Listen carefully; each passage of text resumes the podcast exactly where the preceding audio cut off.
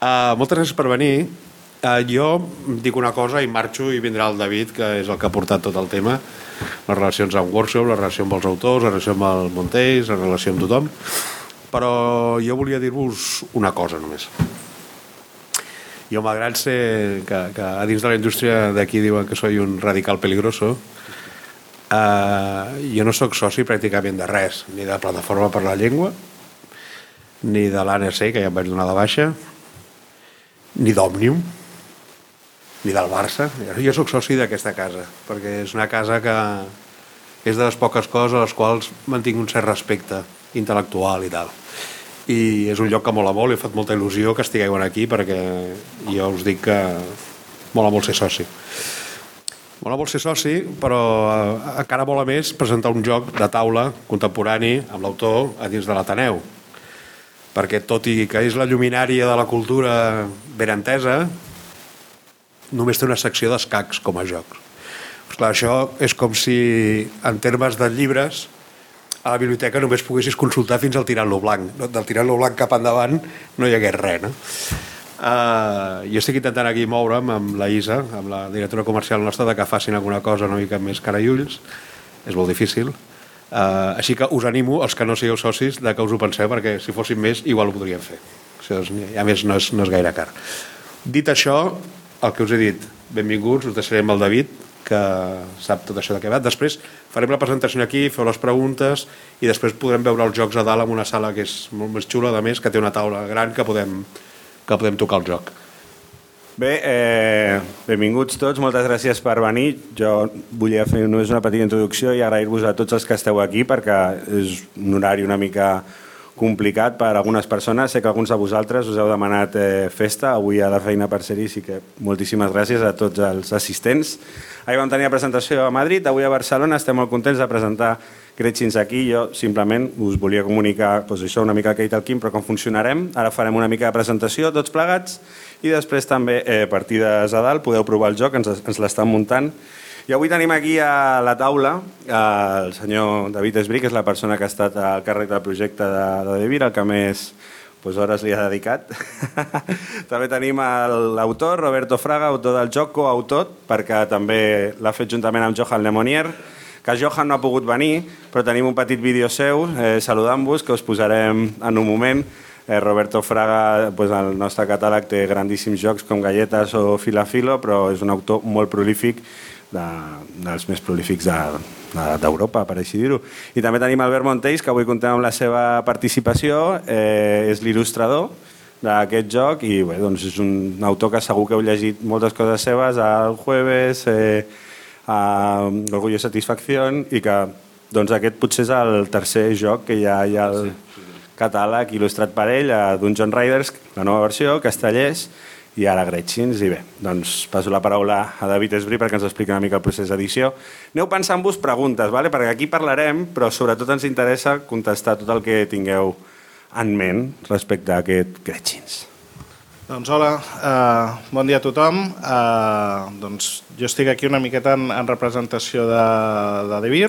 Soc l'editor uh, d'aquest joc, uh, bueno, de l'equip d'edició, de, el Xavi Garriga està assegut entre el públic, i, i bé, és un, és un projecte desenvolupat a casa, és un, és un projecte que hem desenvolupat des de Devir i és una proposta per, per tot el món és, eh, és un dels primers jocs que traiem sota, sota una llicència eh, externa, eh, en aquest cas Games Workshop. Games Workshop és, un, és una empresa de jocs, de jocs de miniatures en aquest cas, eh, anglesa i que fa molts anys que està portant la seva propietat intel·lectual a, a, a tot arreu, principalment als jocs de Warhammer i Warhammer 40.000, ara Age of Sigmar, però bueno, ve ser això, i eh, des de fa un temps doncs, estan eh, compartint, cedint la, la seva propietat intel·lectual a altres editors perquè fem propostes, fem jocs de taula, en aquest cas, eh, basats en els seus universos. Va sorgir l'oportunitat de treballar, de, de, de parlar amb Games Workshop i eh, els hi vam fer unes quantes propostes. Nosaltres intentem fer-los propostes out of the box, diguéssim. Vull dir, és bastant habitual veure que jocs de taula basats en mons de Warhammer 40.000 o de Warhammer intenten eh, fer pues, això, grans batalles de marines contra aliens o el que sigui, però nosaltres som de l'opinió que si vull jugar un, un joc de batalles de marines contra aliens, doncs ja hi ha un joc que existeix que es diu Warhammer 40.000 i que funciona de conya per fer això. No? Aleshores intentem fer jocs que se'n vagin una miqueta a les fronteres d'aquest univers i, propo i proposar fer propostes diferents al, al que ja s'ha vist.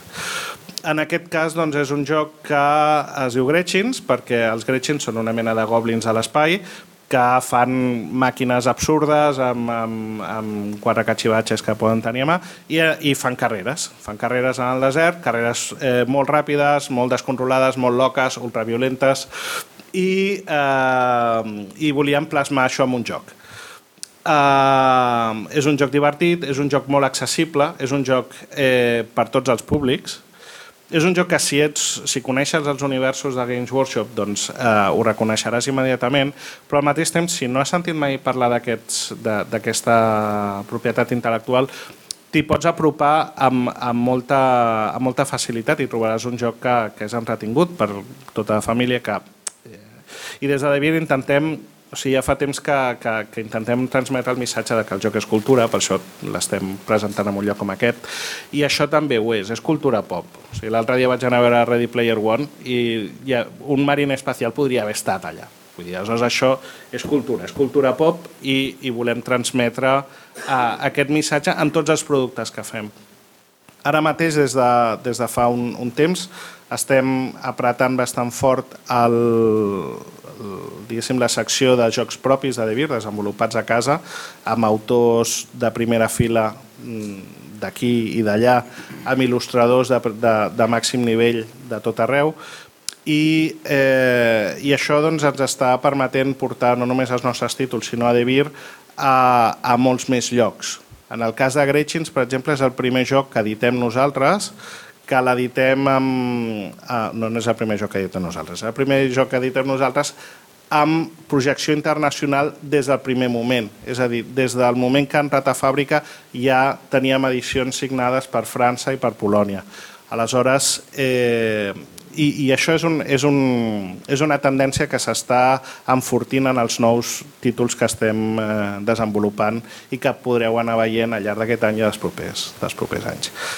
Aleshores, com que crec que el realment interessant és poder parlar amb el Roberto i l'Albert, que els teniu aquí, doncs ja li cedeixo la, la paraula al Roberto, que us explicarà com ha estat el, el procés de creació del joc i al final qualsevol dubte que tingueu, tornem, seguirem per aquí a la taula. Uh, entonces, uh, queríais saber cómo se había inventado Gretchins. Pues es secreto, lo siento.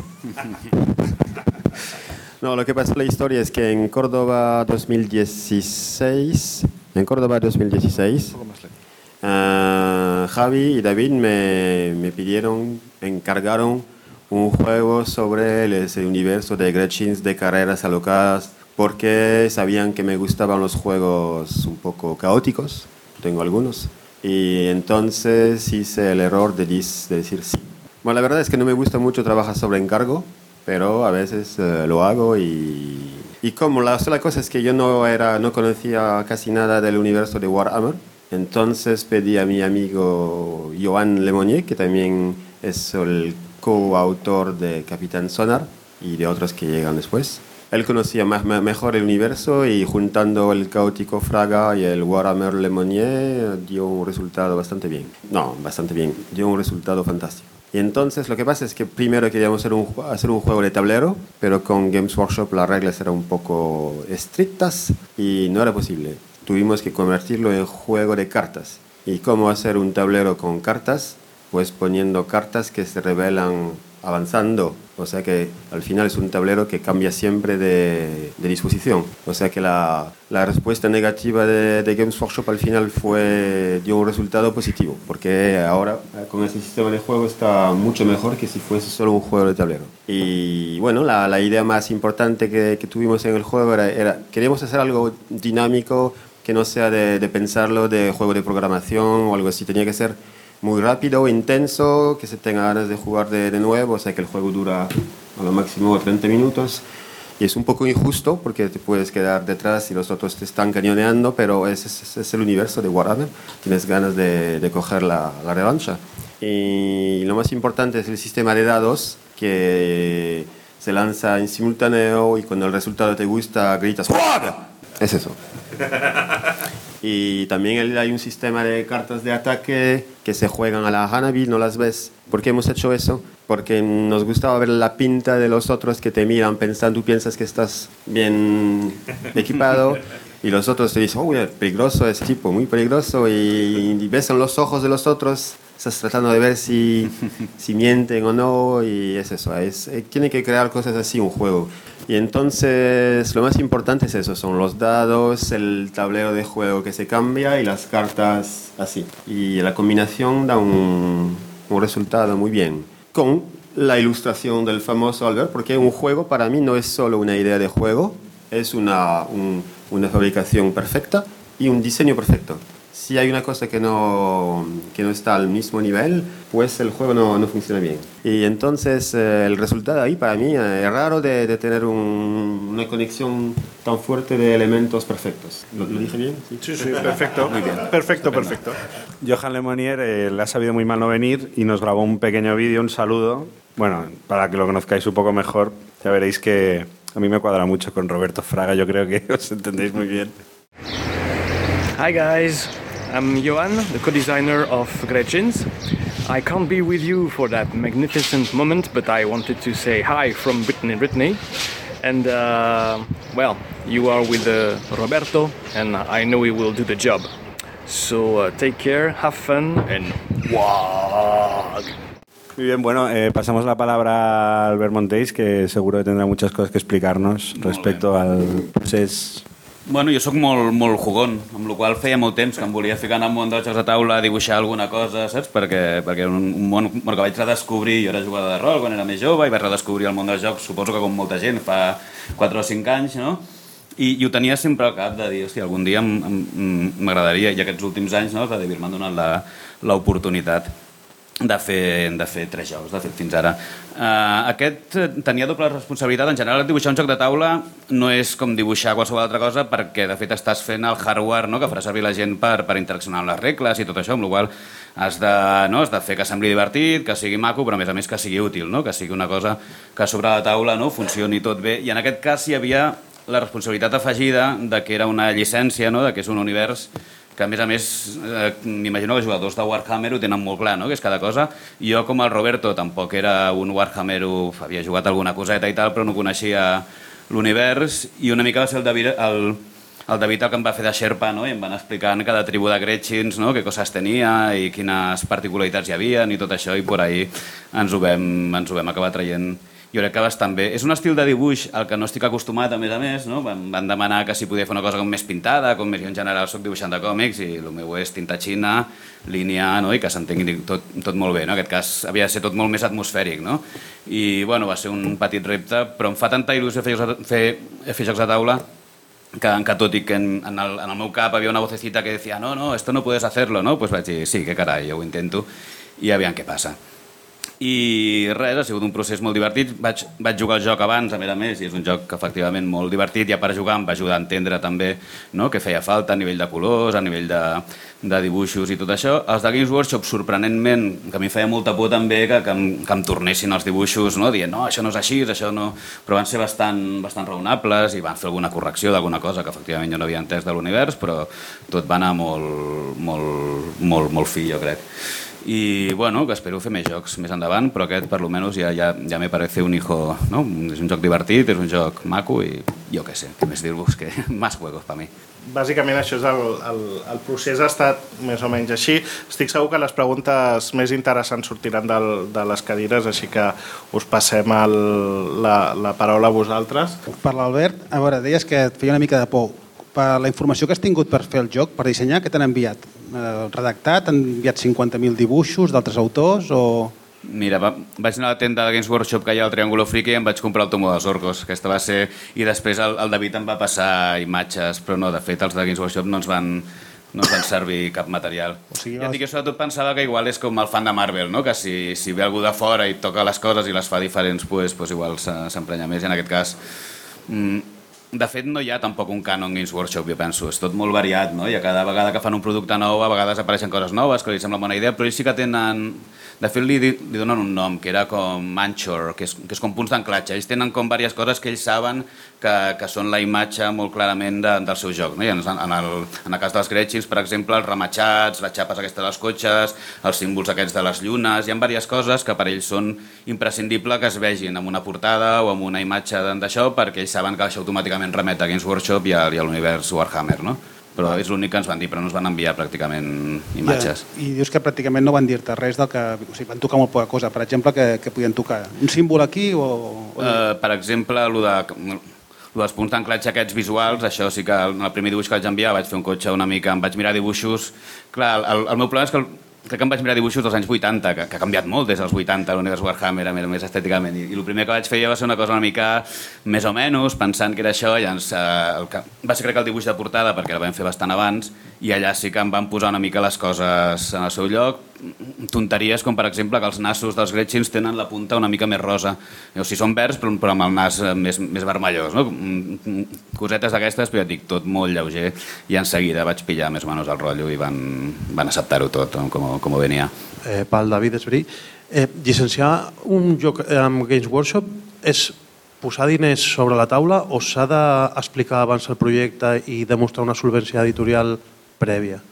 No és, no és una qüestió de diners com a tal, vull dir... Eh, comencem des del principi. El, el, el, la relació amb Games Workshop ha estat mm, especialment fàcil eh, segurament pel fet de que jo he treballat molts anys en aquella empresa. Aleshores, mm, sabia, diguéssim, a, quina, a quines portes trucar i amb quines persones parlar.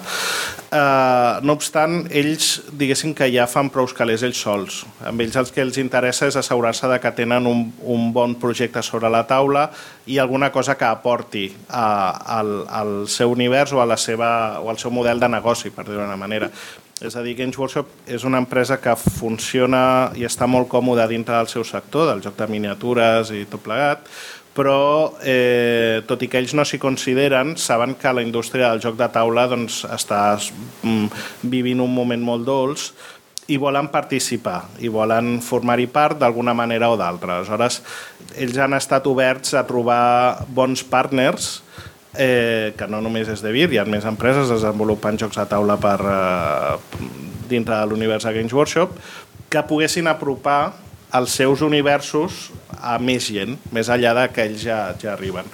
Aleshores, eh, ell, ell els, el, el primer que ens demanen és que els hi donem una idea, què és el que volem fer. No, doncs nosaltres vam decidir proposar-los fer un joc de carreres delimitat en l'univers dels orcos i en aquest, en aquest moment concret dels, dels Gretchins, i ens demanen una miqueta cap a on volem portar el projecte, no? Quin, quina idea de, de joc tenim.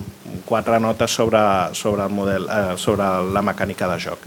Aleshores, ells entenen que durant el procés de desenvolupament del joc hi, hi haurà canvis i, i, i alguns canvis han estat per part nostra en el moment que s'involucra un autor que té les seves pròpies idees evidentment doncs, has d'ajustar el teu projecte, el teu pitch inicial a les necessitats del, del joc en si mateix i d'altres com que, que marcant el mateix Games Workshop. No? Doncs vam tenir que modificar el tamany de les cartes i, de, i dels cotxes trucalats per, per qüestions de, de contracte, per qüestions legals però la veritat és que ha estat bastant, bastant fàcil treballar amb ells i és això, simplement va ser poder-nos posar en contacte amb ells i parlar del projecte i, i aquest és el primer i espero que en vinguin més. Per tant, tothom eh, fins ara està força content de com ha, de com ha anat aquest projecte i, i bueno, com dic, espero que no sigui l'últim.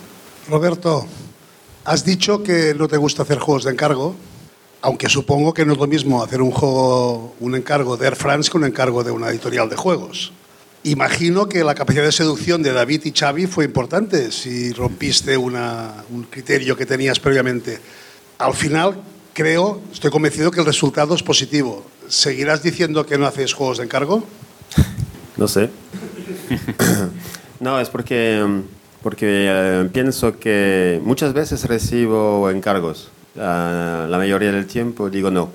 Y, o encargos o direcciones en las cuales trabajar. Por ejemplo, Ravensburger, eh, te mandan todos los años, hay que hacer cosas en esa dirección, cosas así, pero nunca la respeto, porque pienso que es un mundo que avanza nada más que siguiendo vías, no es un buen futuro. Bueno, ahí decidí de seguir vías, pero no sé por qué.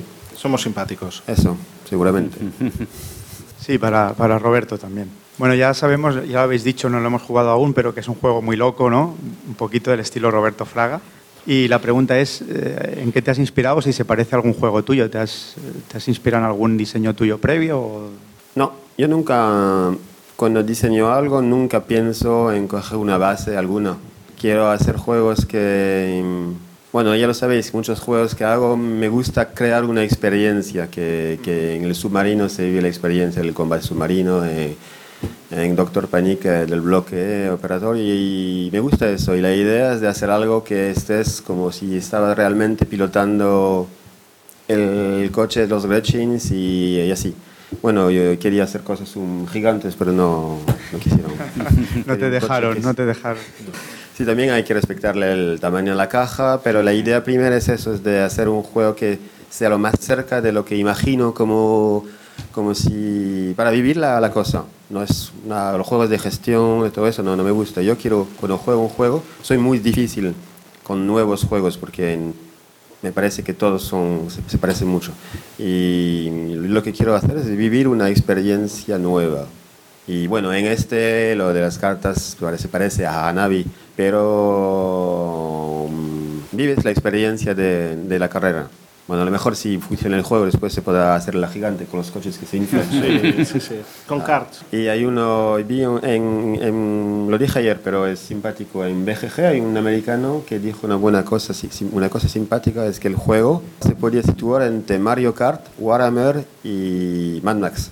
O sea, tú en general empiezas por el tema, o sea, no eres, no eres de los diseñadores que empieza por una mecánica que le gusta, sino que in- intentas que todas las mecánicas respondan al tema. Eso, muchas veces la, la mecánica viene después del tema o de un objeto especial. El huevo, eh, el, a veces un nombre, quiero hacer un, un juego que se llama Akhenaton porque me gusta el nombre y es eso. El, el tema, el objeto y la mecánica siempre viene después. De- Cuando tengo el, sistema, la idea del juego, ahora digo, bueno, ahora cómo funciona. Cuando te conocimos en el Festival DAO, eh, supimos que tú aportabas a tus juegos a- a algunas partes de tu vida porque habías trabajado de muchas cosas, incluso pilotando algún tipo de vehículos. Eh, en este Gretchen, siendo carreras, ¿algo de tu vida y de tus otros trabajos eh, has podido traspasar al juego? Sí, fui cuando era joven, conducí camiones. No, no, no, no los conducía como un Gretchen, claro, porque si no. bueno, todo lo, mm, todo lo que haces en la vida te sirve para crear juegos. Todas las experiencias son buenas. Yo hice, tuve 12 oficios diferentes. Y el Capitán Sonar viene de cuando estaba en la Marina Militar. Ah, el Gretchen se inspiró de muchas cosas. Siempre todo lo que ves en la vida, lo que hiciste, todo sirve. No hay nada que, que no sirve. Pero no, fue, no fui piloto de Fórmula 1. no. Bueno, a lo mejor puede venir a uno. ¿eh? Sí. Todavía hay tiempo. Eh, me llama mucho la atención cómo una, una empresa puede coartar un diseño por el hecho simplemente de que sea de tablero. Como ha dicho él, no es que Game- Games Workshop no quiere juegos de tablero. ¿no? Es- eh, me llama mucho esta, esta, esta línea de, de- de pensamiento editorial. Eh, o por qué el tamaño de los coches tiene que ser de tal y no pueden ser más grandes. A mí esto me llama mucho la atención. Games Workshop, la verdad es que es uno de los contratos más prolijos que hemos recibido en cuestión a, a- a licencias. Entonces, Games Workshop, como su propio nombre indica, hacen juegos. Entonces, intentan asegurarse que los juegos que licencian a otra gente no entren en competencia con su, con su hábitat natural. ¿Vale? Entonces, por ejemplo, lo del tamaño de, los boogies, pues nosotros los habíamos planteado un poco más grandes y nos hicieron reducirlos porque no podían ah, asemejarse demasiado a miniaturas. Es decir, Games Workshop va a licenciar juegos de mesa a, otra, a otras editoriales, pero esas editoriales nunca podrán hacer miniaturas ni nada que se le parezca porque ese es su, ese es su jardín y entonces es normal que lo acoten y y que se lo guarden para ellos. El tema del tablero, pues eh, en un primer momento el, tipo de proyecto que les planteamos a Games Workshop era esencialmente un juego de cartas. Y entonces ellos aprobaron un juego de cartas de orcos, concretamente de Gretchins. Si les, eh, como esto era el, trato inicial que habíamos hecho con ellos, es lo que teníamos que, eh, digamos, eran las fronteras entre las que nos podíamos mover. Entonces, si en, en- el primer momento, cuando le propusimos a Roberto, queremos hacer un juego de cartas de Gretchins de tal y que cual, dijo, vale. Y entonces, cuando volvió con la primera propuesta, dijo, bueno, he pensado que vamos a utilizar un tablero. Entonces, la- hablamos con Workshop y dijeron, bueno, es que lo que tenemos firmado es una cosa distinta. Entonces, preferimos quedarnos dentro de- del, pacto inicial. En este sentido, mm, no, es una cosa de, que, de que te acoten más o menos, sino un poco el, el, el pacto y dicen, vale, os dejamos la licencia para que hagáis un juego con estas características. Y sobre eso es el, la pista de baile por la que nos podemos mover. Si en, en el juego hubiésemos decidido meter un, un vehículo de los Eldars oscuros, nos hubiesen dicho no, esto aquí no toca, esto es un juego de Gretchins. Y lo mismo pues con las mecánicas de juego. Pero no tiene más, si algún día les proponemos hacer un juego de tablero de tal y que cual, una vez esté acotado y acordado, pues haremos un juego de tablero. Roberto concretamente ha hablado de una cierta libertad creativa, que no te gusta que te acoten demasiado y si te ponen, te imponen una cierta eh, directriz, te gusta romperla.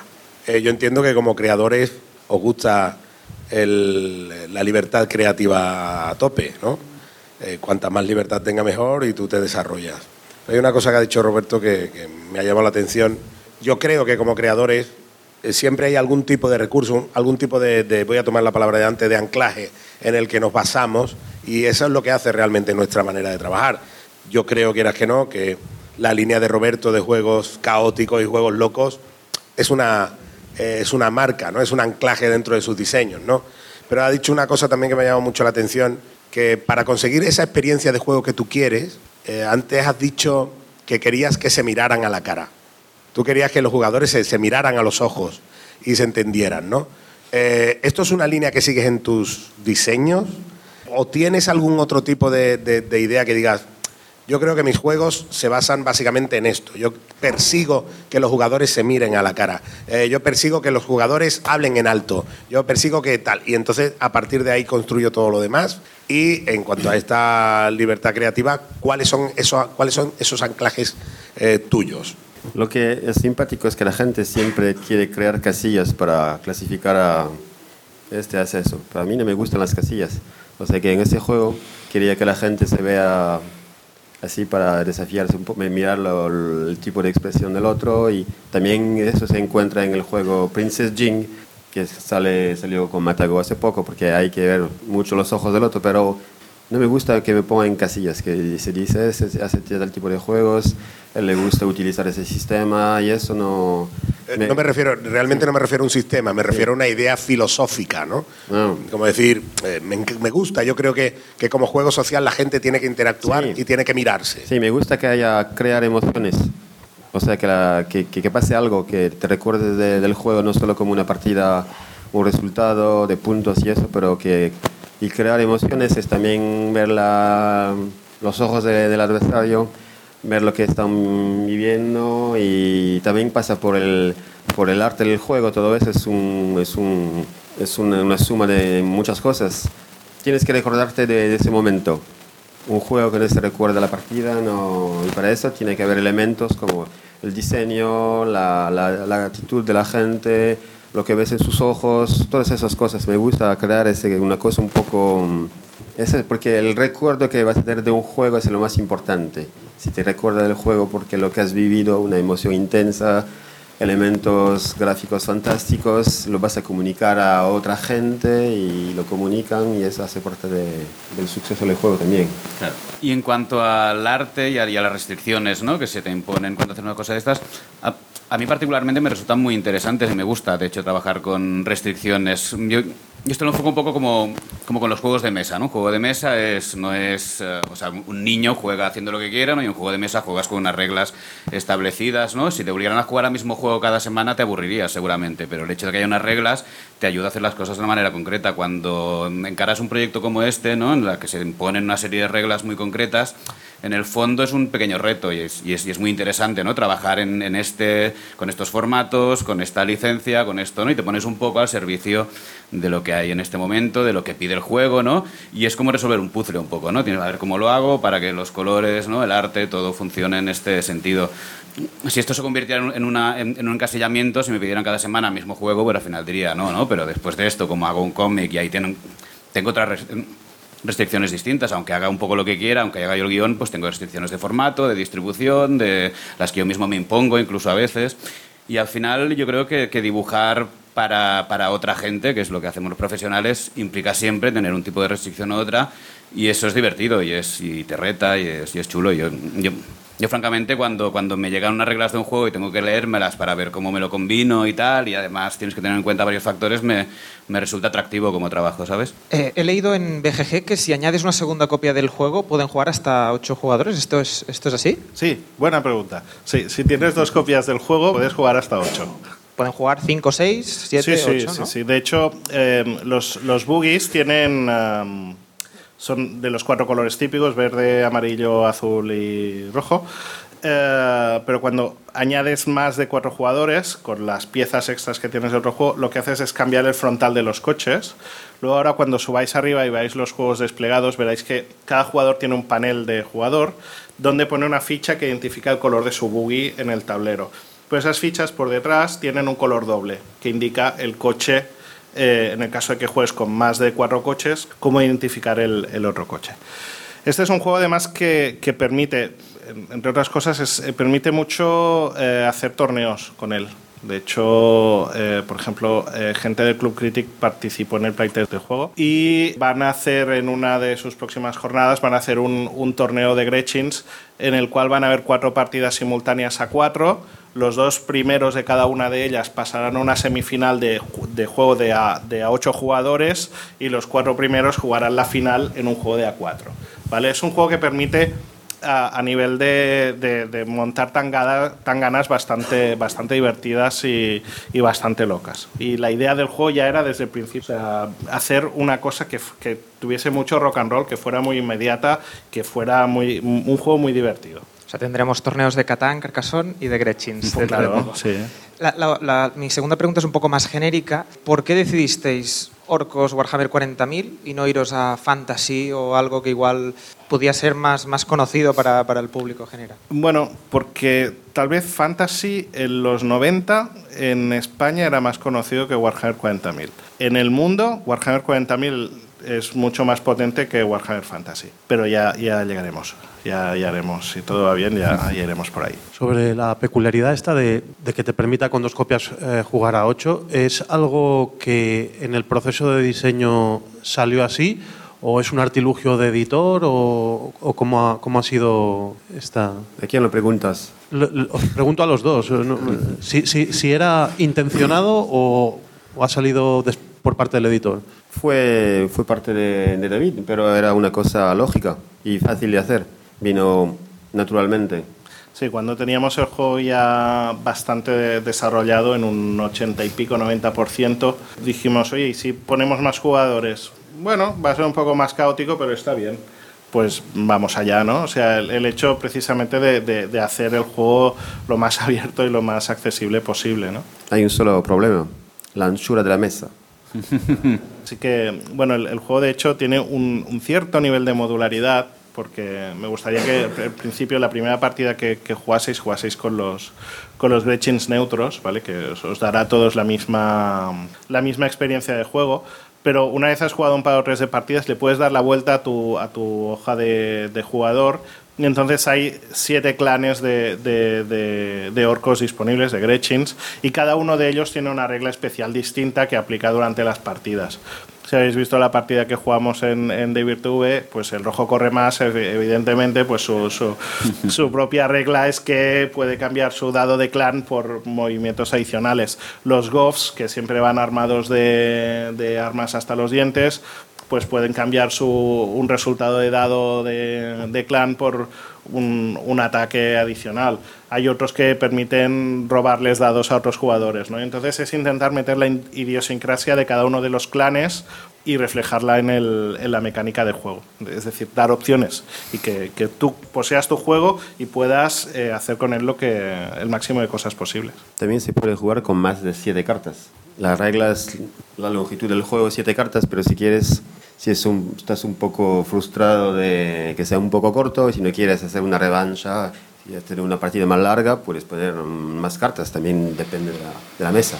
Hola, això em recorda a mi el Gorka Morka. Pot ser, pot ser. pot ser. exacte. És l'esperit de, del Gorka Morka està en aquest joc, clar. De fet, les imatges com envia el David al principi eren gairebé totes de Gorka Morka, sí. Això jo crec que entra més ja en, la, en, en les mans de Games Workshop. Nosaltres no podem fer el Gorka Morka, perquè entre altres coses era un joc de, de, de miniatures. Jo crec que vull dir, a l'univers de Warhammer 40.000 i de Warhammer són tan bèsties, vull dir, Games Workshop té literatura perquè no te l'acabes, vull dir, tota Black Library treuen, treuen novel·les i tal, explorant racons i coses superconcretes al seu univers que hi ha coses divertidíssimes per, per explorar en jocs de taula. I de moment les idees que tenim i que els hem plantejat crec que aniran a buscar aquestes coses originals i a sorprendre la gent de manera que això, que, que la gent que, que coneix els universos de, de Games Workshop pugui trobar propostes diferents i atractives, no? que, que puguin complementar la seva experiència de joc. No? O sigui, en aquest cas, eh, estem jugant amb els joguets d'un altre, que en aquest cas l'empresa és Games Workshop, quan jugues amb els joguets d'un altre, doncs té els seus avantatges i els seus inconvenients. Inconvenient que no pots fer el que et doni la gana, però avantatges és que, que pots fer coses molt guais que fins i tot els propis eh, propietaris de la, de la llicència intel·lectual mai se'ls ha acudit fer. Ya no hablando en sí de la licencia entera de Games Workshop, sino de este juego en concreto. La idea es que sea expansionable y si lo es, ¿en qué línea? Buggies, territorios, equipamiento, más razas y esas cosas. Yo creo que es un poco pronto para, para esto. Lo que, lo que queremos es que el juego funcione como tal, dar el máximo, sacarle el máximo de, de- de jugo a, a nivel de juego, que la gente lo, lo disfrute. Y si de pronto hay un clamor por más buggies, más tipos de vehículos, más terrenos, pues tendré que, que- que ir a Senlo y hablar con Roberto y invitarle a una cena bastante copiosa para, para que acepte Otro encargo. otro para encargo. Roberto. Parlant del tema de la llicència, ho comentàveu, anteriorment eh, Fantasy Flight tenia el que és la llicència i semblava que tingués la llicència més que d'un jocs concrets, sinó de lo que seria l'univers de, de, de, bueno, un dels univers de Games Workshop. Has comentat que en principi la llicència la teníeu per això, no? per fer un joc de cartes, de Grainsits i tals. Eh, la política Games Workshop en aquest sentit ha canviat en el sentit de que es, es negocia cada joc per separat o podeu accedir a una llicència més oberta, en el sentit de, doncs mira, a partir d'ara, tot el que siguin jocs de cartes de, de Warhammer 40.000 els farem nosaltres. O sigui, la llicència és més limitada o es pot accedir a una llicència més general? No, no treballem amb, amb, en condició d'exclusivitat, és a dir, no, no, nosaltres no farem els jocs de cartes de... O sigui, nosaltres podem proposar el que vulguem i aleshores serà la proposta, serà estudiada per ells i decidiran si ho fan o no ho fan.